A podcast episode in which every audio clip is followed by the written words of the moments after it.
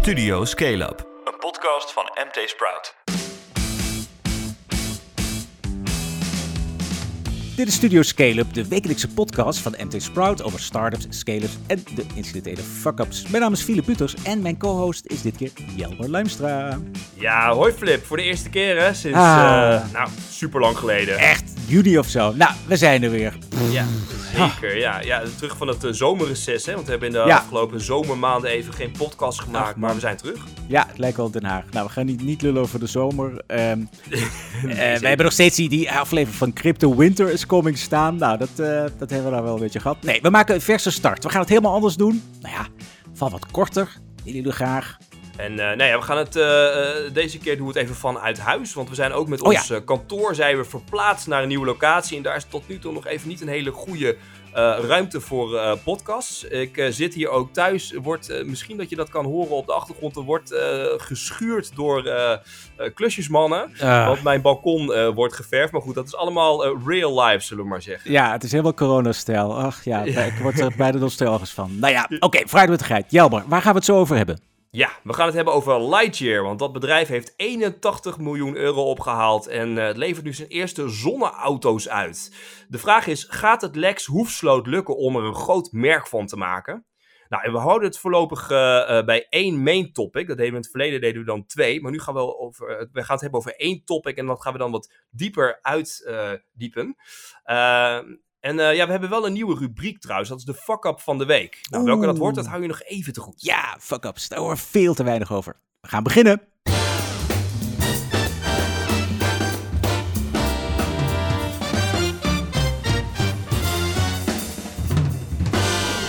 Maar eerst even korter dan ooit, de laatste buzz over startups en scale-ups.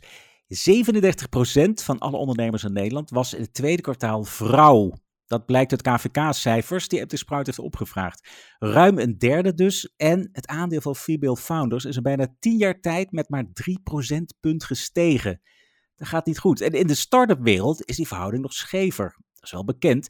Maar de cijfers die we uit Dealroom hebben getrokken, die zijn toch echt pijnlijk. Van de Nederlandse founders, van wie gendergegevens bekend zijn, identificeert zich 88% als man en slechts 12% als vrouw. Een mogelijke verklaring is dat investeerders amper groeigeld in startups met vrouwelijke oprichters steken. Ja, dat is eh, zeker schrijnend. En eh, ja, dan gaan we het toch weer hebben over een eh, mannelijke ondernemer, ben ik bang. Want eh, er verdwijnt weer een fietsmerk in de stalling van PON. Ja, dat gaat over Ferry Zonder, natuurlijk de oprichter van Veloretti. Die verkoopt zijn fietsmerk aan PON. En dat is een van de grootste fietsenmakers ter wereld. Dit jaar hoopt Veloretti 15.000 e-bikes en 20.000 fietsen te verkopen.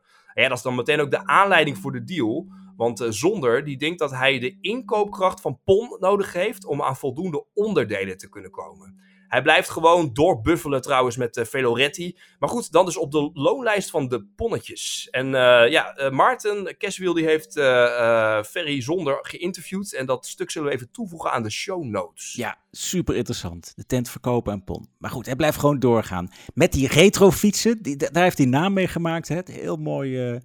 Ja, ja, mooi samengesteld is het. Mooi ontworpen ook. Maar die die e-bike, dat is echt een superhit. Die verkoopt dus eentje bijna net zoveel als, uh, als een andere model. Nou, nog meer nieuws uit eigen huis. Vincent Weideveld, die is uitgeroepen tot beste jonge ondernemer van 2022. Hey. Hij won deze week namelijk de Pitches voor de 2525 Award. Dat was bij onszelf, inderdaad. En Vincent, die is namelijk medeoprichter van Tarnok. En dat ontwikkelt een verwarmingsketel die een veelbelovend alternatief is voor de warmtepomp. Nou, dat is een supergoede oplossing voor een urgent en massaal probleem. Dat vindt de jury, onder voorzitterschap van mijzelf. Nou ja, nee, een goede jury was het. En uh, Weideveld die maakt ook grote stappen. Daar waren we ook echt van onder de indruk. Dat hij ondanks zijn 24 jaar toch echt hele grote, soms hè, een beetje conservatieve partijen uit de woningbouw en de installatiebranche aan zich heeft weten te binden en aan zijn bedrijf. Heel knap. Zo, oké, okay, nu snel door naar de main topics. Het thema van de auto is uh, go free. Dus, dus het interieur is daar ook op afgestemd omdat het een, het, is, het moet rust bieden. Uiteindelijk is het uh, geen afleiding. Um, je hebt genoeg actieradius, je kunt overal opladen. Uh, dus ga waar, waar, waar je dan ook wilt. Uh, dat is de filosofie achter de auto en dat probeer je terug te krijgen in het interieur.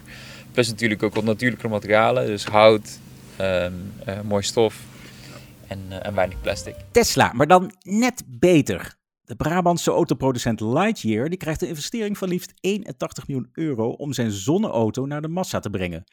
Een elektrische auto die je niet continu hoeft te stekkeren, maar die door ingebouwde zonnepanelen automatisch oplaadt. Dat klinkt als een droom. Maar heeft de start-up kans van slagen in een hyperconcurrerende markt? Jelmer, jij dook in de wondere wereld van de zonneauto's. Allereerst, wat is nou een zonneauto in godsnaam? Ja, dat is eigenlijk een elektrische auto die zichzelf kan opladen door ingebouwde zonnepanelen. Nou ja, bij de huidige zonneauto's zie je vaak dat deze uh, gepaard gaan met de stekkerconstructie, dat je hem dus ook kan stekkeren. Maar uh, goed, ja, die zonnepanelen die dan in de auto zitten, dat, dat heeft toch wel weer een meerwaarde, want die laden zichzelf dus automatisch op. Het kan anders zijn hè, voor iedereen die bijvoorbeeld geen huis met een eigen oplaadpunt heeft. Of uh, voor mensen die in landen uh, wonen waar nog niet een hele goede laadinfrastructuur is voor elektrische auto's. En ja, uiteindelijk scheelt dat natuurlijk in de energiekosten hè, met de huidige hoge stroomprijzen. Um, ja, dat lijkt allemaal een beetje een nieuw fenomeen, maar dat is het toch eigenlijk verre van. In de jaren 80 zijn er al aardig wat van dit soort autootjes gemaakt. En de eerste was er zelfs al in de 1960 van zakenman en professor Charles A. Escoffery heette die. Nou, die man die werkte bij een energiebedrijf en die heeft uh, heel Europa en de, de VS uh, rondgetoerd met een heel oud autootje met, met zonnepanelen op het dak. Uh, ja, een beetje om reclame te maken voor, uh, voor de techniek. Maar goed, het is dus al best wel oud. Lachen. Uh, ja, door de jaren zijn er ook heel veel van dat soort zonneautootjes gekomen. Maar vaak ging het dan om universiteitsprojecten.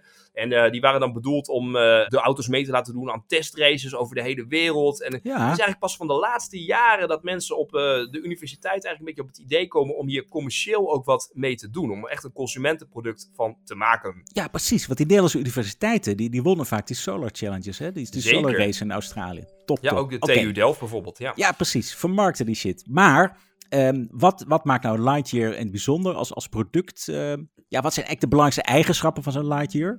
Ja, nou Lightyear die heeft aan de bovenkant van zijn nieuwe model, het gaat dan om de Lightyear Zero, voor de uh, mensen die het een beetje volgen. Ze hadden eerst de, de Lightyear One, maar dat wordt nu de Zero. Hadden ze, hebben ze vijf vierkante meter aan zonnepanelen geïntegreerd en die buigen mee met de vorm van de auto. Hm. Nou, uh, ja, algemeen gesteld heeft die Lightyear Zero, die dus uh, nu straks op de markt komt, een actieradius van 625 kilometer. En dat is op zich ook weer hoger dan de meeste elektrische uitdagers. En dat komt ook nog eens gepaard met een relatief bescheiden accu van 60 kilowattuur. Nou, hoe, krijgen, hoe spelen ze dat nou eigenlijk voor elkaar?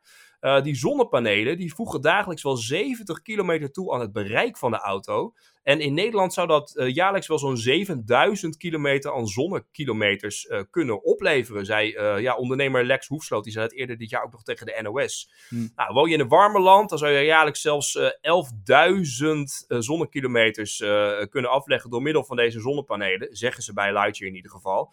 Uh, ja, op zich interessant, want de gemiddelde Nederlander die rijdt jaarlijks zo'n ja, 13.000 kilometer. Uh, dus uh, je kan aardig wat gratis rijden met zo'n wagen. En natuurlijk heel duurzaam. Hè?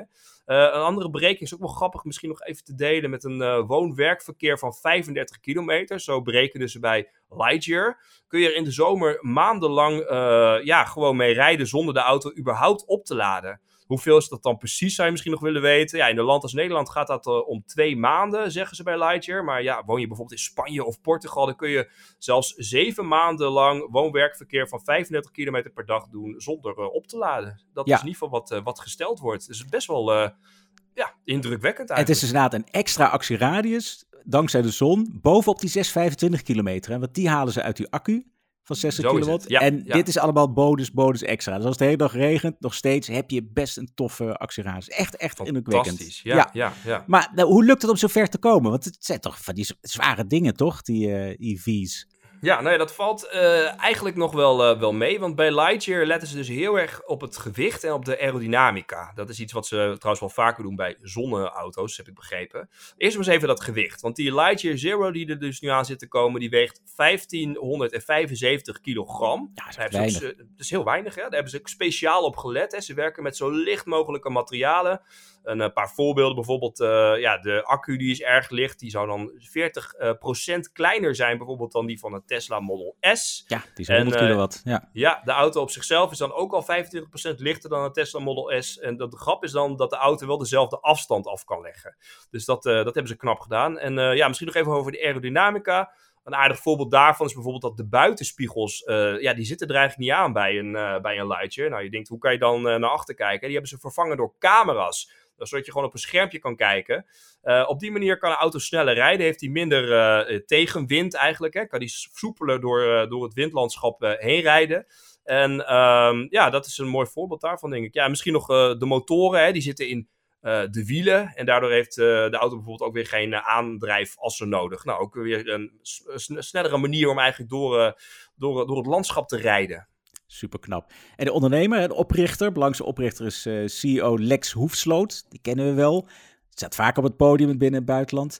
Uh, wat, wat, ja, wat makes him tik, hè? Hoe durft hij nou zo'n druk bezette markt te betreden? We hebben al Tesla, we hebben Rivian en, en nog al die Chinezen die ook elektrische auto's maken. Ja, nou ja, het, uh, het heeft er denk ik in de basis mee te maken dat Lex een beetje een kind van zijn generatie is. Dat zei hij in ieder geval ook nog uh, vorig jaar tegen MT Sprout in een stuk wat we wel even zullen toevoegen aan de show notes. Oh. Al, uh, want al sinds hij jong was wilde hij iets doen om het klimaatprobleem op te lossen. Deze jongen die denkt dus echt heel erg in impact. nou, wat ging hij doen? Hij ging werktuigbouwkunde studeren en kwam zodoende terecht in Eindhoven bij de Technische Universiteit. Ja, en bij technische universiteiten, ja, we zeiden het net al een beetje, heb je vaak studententeams die uh, ja, vaak duurzaamheidsproblemen willen oplossen met uh, innovatieve techniek.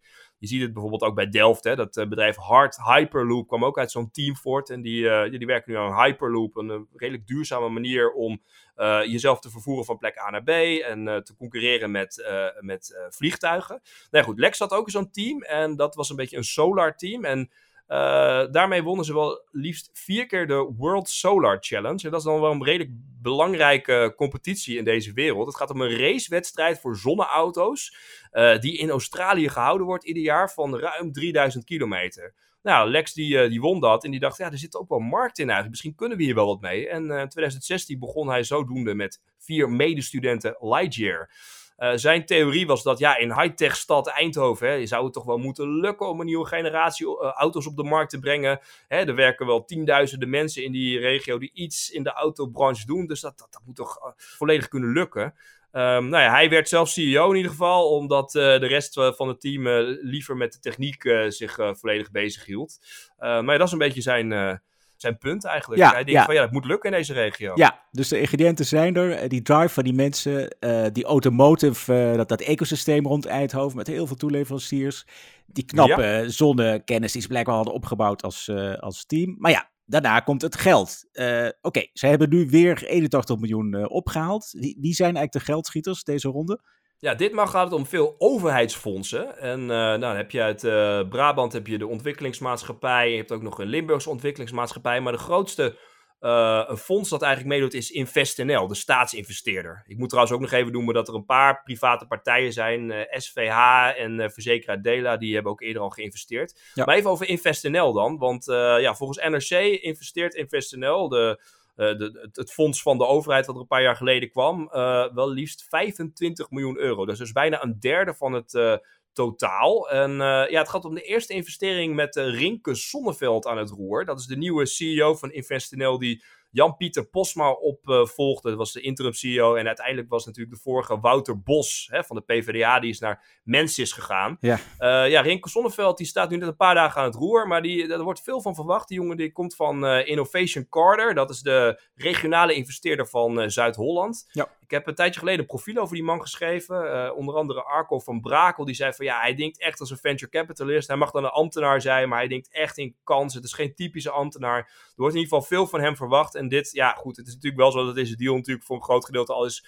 uh, beklonken voordat hij er was. Maar dit kun je misschien een beetje zien als zijn eerste wapenfeit. Ja, vliegende start. Ja, het werd ook tijd dat ze een keer gingen investeren. Want, oké, okay, um, Eerst moet je natuurlijk kritisch blijven. Het is de overheid die met belastinggeld uh, de kast van start-ups spekt. Uh, kan dat? Is dat een goed idee, denk je?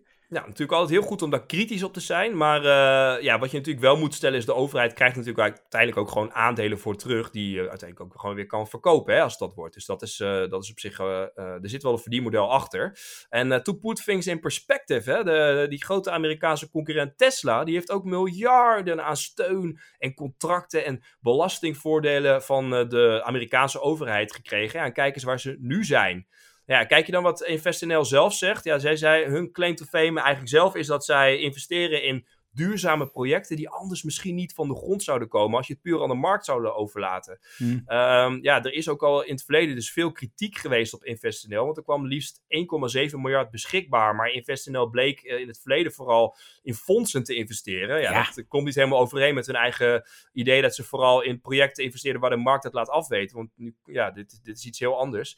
Eh, in het verleden hebben ze ook veel, een, nou, misschien wel af en toe is in ieder geval in start-ups geïnvesteerd die misschien niet helemaal groen waren. Zo kan ik me nog herinneren dat er een investering van 9 miljoen was in e-step bedrijf DOT. Nou ja, Ja. eh, e-stepjes zijn nou niet echt heel erg duurzaam. Hè? Na een paar maanden kan je ze soms al wel afschrijven. En Ja. ja, het concurreert vaak toch wat met het OV. Dus het is een beetje de vraag, was Ja. dat echt nodig? Nou, misschien met deze investering in Lightyear hebben ze wel een perfecte eh, kandidaat gevonden. Want ja, Lightyear heeft ontzettend veel geld nodig. Want het is echt een hardwarebedrijf. Hm. En om al die hardware te maken, patenten, die R&D, daar zijn gewoon bakken met geld voor nodig. Dus je zou kunnen zeggen dat dit misschien wel redelijk aansluit bij, eh bij InvestNL. Ze hebben ook beterschap beloofd en hebben ook gezegd dat ze Ja. weer in groene start-ups zouden eh, gaan investeren. Nou goed. Lightyear heeft in ieder geval tot nu toe 184 miljoen dollar, ruim 184 miljoen dollar opgehaald. Dat heb ik gisteren nog even bekeken via de website TechCrunch. Onder andere ook geld van eh, Jaap Korteweg in het verleden, hè, van de vegetarische slager. Dus Lightyear is lekker, lekker op weg, maar het zijn aan de andere Hmm. kant natuurlijk ook nog geen miljarden. Hè? Nee, nee, dat valt me niet tegen. Inderdaad, wat InvestNL betreft, ja, ze hebben een hele lange aanloop gehad. Ze hebben van alles, ook in Franse fondsen geïnvesteerd. Rot op. Ja, nou, ja. met deze vliegende start voor, eh voor Rinke is het, eh, ja, nou, daar komt het misschien helemaal goed. En dit, dit lijkt me Ja. money well spent. Het is ook helemaal geen subsidie of zo. Maar waar gaat dit geld naartoe, die 81 luttele biljoentjes? Ja, zeker. Nou, eh, voor de ontwikkeling eh, van auto's is het nodig. En ook het opschalen buiten Europa. Daar vertel ik later nog wel even Hm. iets meer over. Maar eerst maar eens even die auto's. Dat is natuurlijk het interessantst. Die Lightyear Zero, eh, die er nu aankomt, die ja, wordt in Finland gebouwd. En wordt dit najaar geleverd aan klanten die zich konden inschrijven. Maar ja, er zit wel echt een flink prijskaartje aan. Want het kost wel 250.000 euro exclusief Hm. BTW. Ja. En wat ze dan bij Lightyear zeggen is, ja, er zitten gewoon ontwikkelingskosten bij. En het is een hele kleine oplage. Ik geloof dat er nog geen duizend stuks van gemaakt worden. Dus eh, nou ja, dat is hun argument. Ja, Wow. Ja, en dat is dus echt 2,5 2,5 Tesla, geloof ik, toch? ja precies. Het is eh, helemaal nog niet, eh, nog niet Dus gratis, die, ja, Nee. wie kan het wel betalen? Ik niet. Ja, nou ja, het gaat dus inderdaad vooral om kapitaalrijke mensen. Nou ja, eh, Hmm. een bekend eh, voorstander van eh, Lightyear is Mark Vletter, de Groningse ondernemer van, van het bedrijf Voice. Die heeft al vijf jaar geleden een bestelling gedaan namens zijn bedrijf. En nou is het wel zo dat de eerste 130 mensen die kunnen hem krijgen voor 150.000 eh, euro. Dus ik denk dat eh Vletter daar eh, succes mee heeft. Maar Ja. ja. dat, dat soort eh, mensen, hè, gewoon de, de succesvolle ondernemers, denk ik. Maar er komt natuurlijk, ik wil natuurlijk niet alleen maar zo'n eh, eh, um, ja, beetje elitewagentje eh maken. Vanaf 2025 wil het bedrijf eh, de Lightyear 2 dan op de markt hebben. En dat, eh, eh, of die, die auto die krijgt een prijskaartje van 30.000 euro. Nou, en vergelijk je dat eens met andere elektrische auto's, dan kom je erachter dat deze al goedkoper is dan de Hm. goedkoopste elektrische Opel Corsa. Hè? Want die kost nu iets van 33.000 eh, euro. Ehm, ja, het is in principe ook goedkoper dan de goedkoopste Tesla. Model 3 kost een kleine 50.000 euro, geloof ik. Ehm, maar ja, tegelijkertijd wil Tesla bijvoorbeeld volgend jaar met een budgetversie van zijn Model 2 komen. En die zou dan 25.000 euro kosten. En ja, er zijn ook meerdere autoproducenten die met auto's, eh, eh, eh, met elektrische auto's op de proppen komen van 30.000, 40.000 euro. Dus is ook wel een beetje een race to the bottom in de wereld van de elektrische auto's als het gaat om de prijsbepaling. Ja, precies. Ja. Maar het zijn wel van die, van die nobele strevens. Want zo hard gaat het niet. Want Musk beloofde ook meteen een model van 35.000 eh, dollar. Wat, dat heeft hij Ja, en als Musk iets belooft, dan kun je vaak wel ervan uitgaan dat het nog een aantal jaar duurt. Ja, dat is de timing. Ja, goed, maar dat is innovatie. En natuurlijk ook grondstoffen. En die accu's die moeten natuurlijk... Ja, het is geen wet Ja. van Moore. Zo hard gaat het niet. Dat je iedere keer voor hetzelfde eh hoeveelheid geld... meer kilowatts per kilo eh, in de accu's kunt stouwen. Zo is het. Maar ja, ehm, is die race to the bottom... dus dat het maar steeds goedkoper wordt... terwijl het heel duur is om zo'n auto te ontwikkelen... is dat niet slecht nieuws eh, voor Lightyear?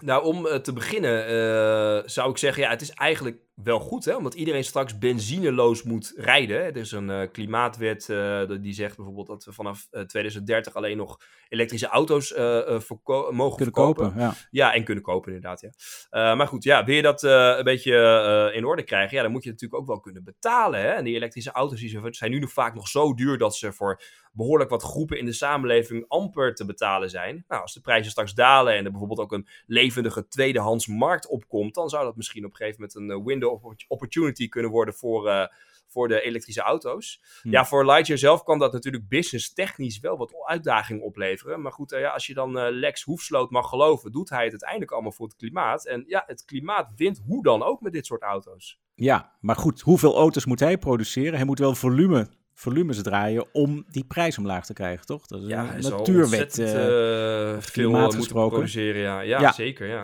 Maar ja, dus hoe, hoe gaat dat met zijn bedrijf? Ehm, gaat hem dat lukken? Dus dat, dat, dat lange termijn doel van geen auto's voor de happy few, maar een massaproduct, eh, 30, 35k, eh, dat deels op zon rijdt.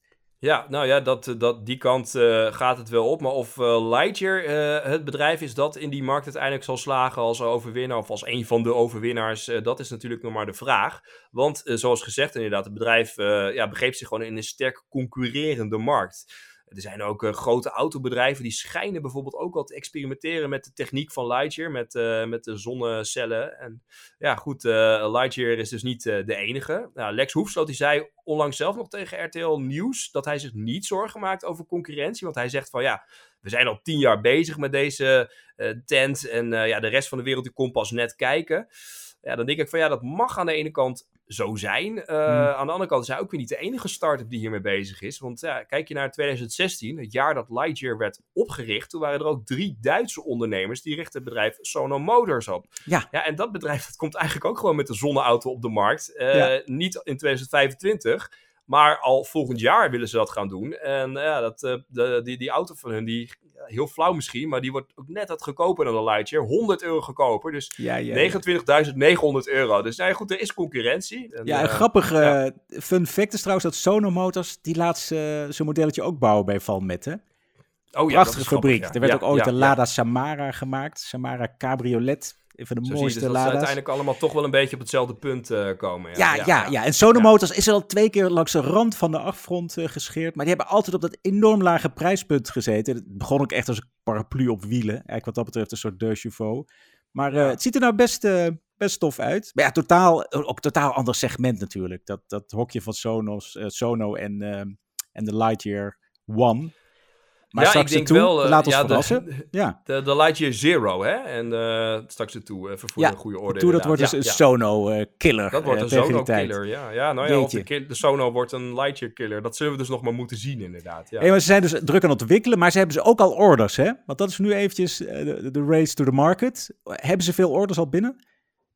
Eh, ja, nou, eh, eh, ze zijn qua opdrachten op zich al lekker bezig. Met name in Nederland doen ze goede zaken, want ze hebben al 10.000 bestellingen voor het de volgende model, die Lightyear 2.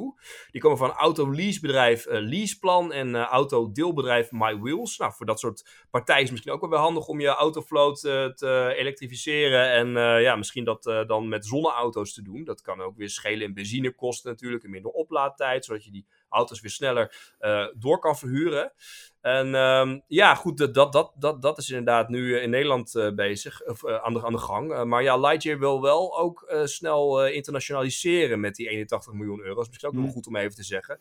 Ze willen dat vooral buiten Europa gaan doen. Dus het zou best wel eens kunnen dat er straks buiten Europa ook wat klanten aankomen van Lightyear. Waar, dat zeggen ze nog niet, maar ik denk dan dat het gaat om landen waar de zon vaak schijnt. We hadden natuurlijk net al even over Spanje en Portugal. Ja. Nou ja, goed, dat, daar, heb ze, daar heb je het meest natuurlijk als zo'n auto. Ja, ja, de Emiraten zijn leuk, maar ja, daar hebben ze te veel olie. Dat moeten ze ook een keer opmaken voordat, Ja. eh, voordat het echt niet meer verkoopt. Maar op zich, ja, veel zon, weinig infrastructuur. Het is wel echt, ja, het heeft ook echt bijna een praktisch, eh, praktisch nut. Gaaf. Maar oké, jij als ervaren auto-analyst, Denk jij dat Lex het uh, gaat redden met Lightyear? Wordt, wordt hij echt een groot merk? Ja, ja, ja, ja. Nou, ik ben natuurlijk alles behalve een uh, auto-analyst. Uh, dus ik ben echt een start-up analist. Dus laat ik dat aan me voorbij laten gaan. maar ik denk wel, hoe gaaf zou het zijn hè, als zo'n bedrijf het uiteindelijk gaat redden. Het is, ja, het is een groot automerk, zou het kunnen worden. het is in ieder geval, er wordt veel geïnvesteerd vanuit de overheid. Maar ja, goed, het is inderdaad nog maar de vraag of ze het gaan redden. Hè. Als het niet gaat lukken en ze krijgen hierna niet genoeg kapitaal om uh, ja, weer verder te gaan, dan uh, zou het ook kunnen zijn dat ze zich bijvoorbeeld uh, moeten beroepen op iets anders. Bijvoorbeeld zich laten overnemen door een ander groot bedrijf. Ja, en dat zouden ze dan eigenlijk zouden ze dan in dat geval net hetzelfde doen als hun investeerder Jaap Korteweg van de vegetarische slager eerder ook deed met Unilever. Oh, maar ja, goed, de vegetarische slager is nog steeds een succesvol merk, maar dan onder ja, onder het Unilever logo. Ja, precies. Dus uh, op zich is dat ook helemaal niet erg als ze zich op een gegeven moment laten overnemen. Nee, ja, weet je wat, ik ben de, echt een Wat denk jij zelf? Ja, ja, ik ben dus echt een pessimist, dus daarom ben ik ook zeker geen ondernemer. Maar uh, ja, als je Tesla achterna wil, dat kost miljarden, miljarden, miljarden. En of die nou voor de overheid komen of uit uh, Sovereign Wealth Funds uit Saudi-Arabië. Um, ja, ik denk niet dat die allemaal richting Lightyear gaan. Maar inderdaad, wat je zegt, ook als het als merk niet groot wordt, als ze niet die 10.000 Model 2's op tijd uh, op het juiste prijsniveau in de markt weten te krijgen, dan bouwen ze mhm. nu al zo'n verzameling super relevante patenten op. Hè? De, de zuinige aandrijving hebben ze reeks patenten. Dat zonnedak is hartstikke mooi. Uh, over thermisch management hebben ze ook allerlei dingen, zag ik. Dus alleen die bundel patenten, dat, dat voegt natuurlijk al enorm veel toe aan de stand van techniek. En dat, dat maakt zo'n exit waarschijnlijk al tot een een succes die echt heel veel waarde vertegenwoordigt voor uh, ja, de oprichters en uh, nou ja, misschien invest.nl. ja. Ja, dus het glas is nou half vol, zullen we maar zeggen. Toch? Ja, de half vol. voor ziet er uh, zonnig uit, voorlopig. Ja, yes. Nou, en we hebben ook een fuck-up van de week, Flip. Dat is een nieuwe categorie, een nieuwe rubriek. Met een jingle. Maurice, laat de jingle klinken.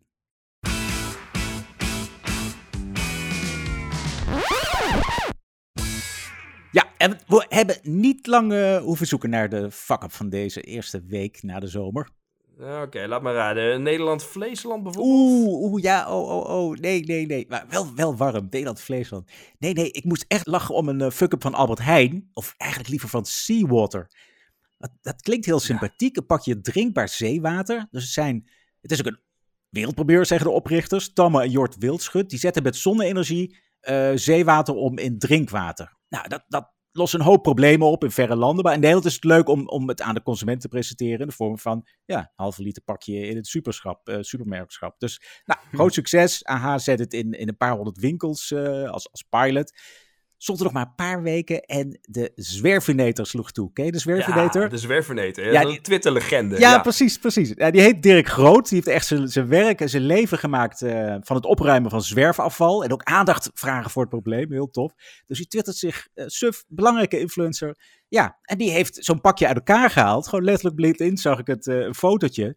En die verpakking, die is van karton. Uh, ja, maar er zit erin een plastic zak, er zit een plastic dop op en er zit een plastic wikkel omheen voor de broodnodige marketing en vrolijke boodschappen. Ja.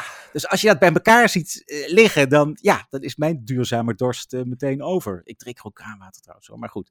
Nou, nee, Albert Heijn, die moet natuurlijk reageren. Ophef, ophef. Water is alweer uit de schappen gehaald en de wildschuts, zo hoort het ook, die zijn inmiddels druk bezig met verschillende alternatieve verpakkingen om een duurzaam product toch opnieuw onder de aandacht van de consument te brengen. Ja, mooi toch? Never Succes. give up, zou ik zeggen. Echt ja, waar. Ja, sorry, We, zijn uitgelachen. Gewoon doorpakken. Uh, super. En zodra jullie uh, een oplossing hebben, wildschuts. Laat het ons weten, ja. Tammo en Jort.